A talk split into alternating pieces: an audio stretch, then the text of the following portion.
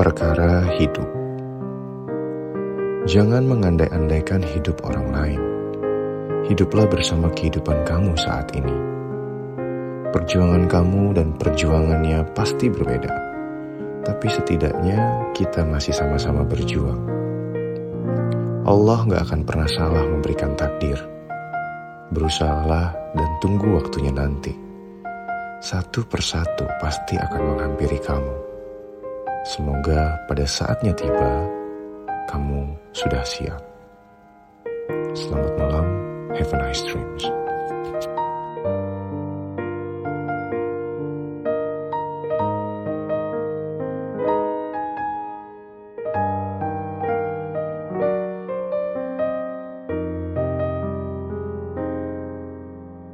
thank you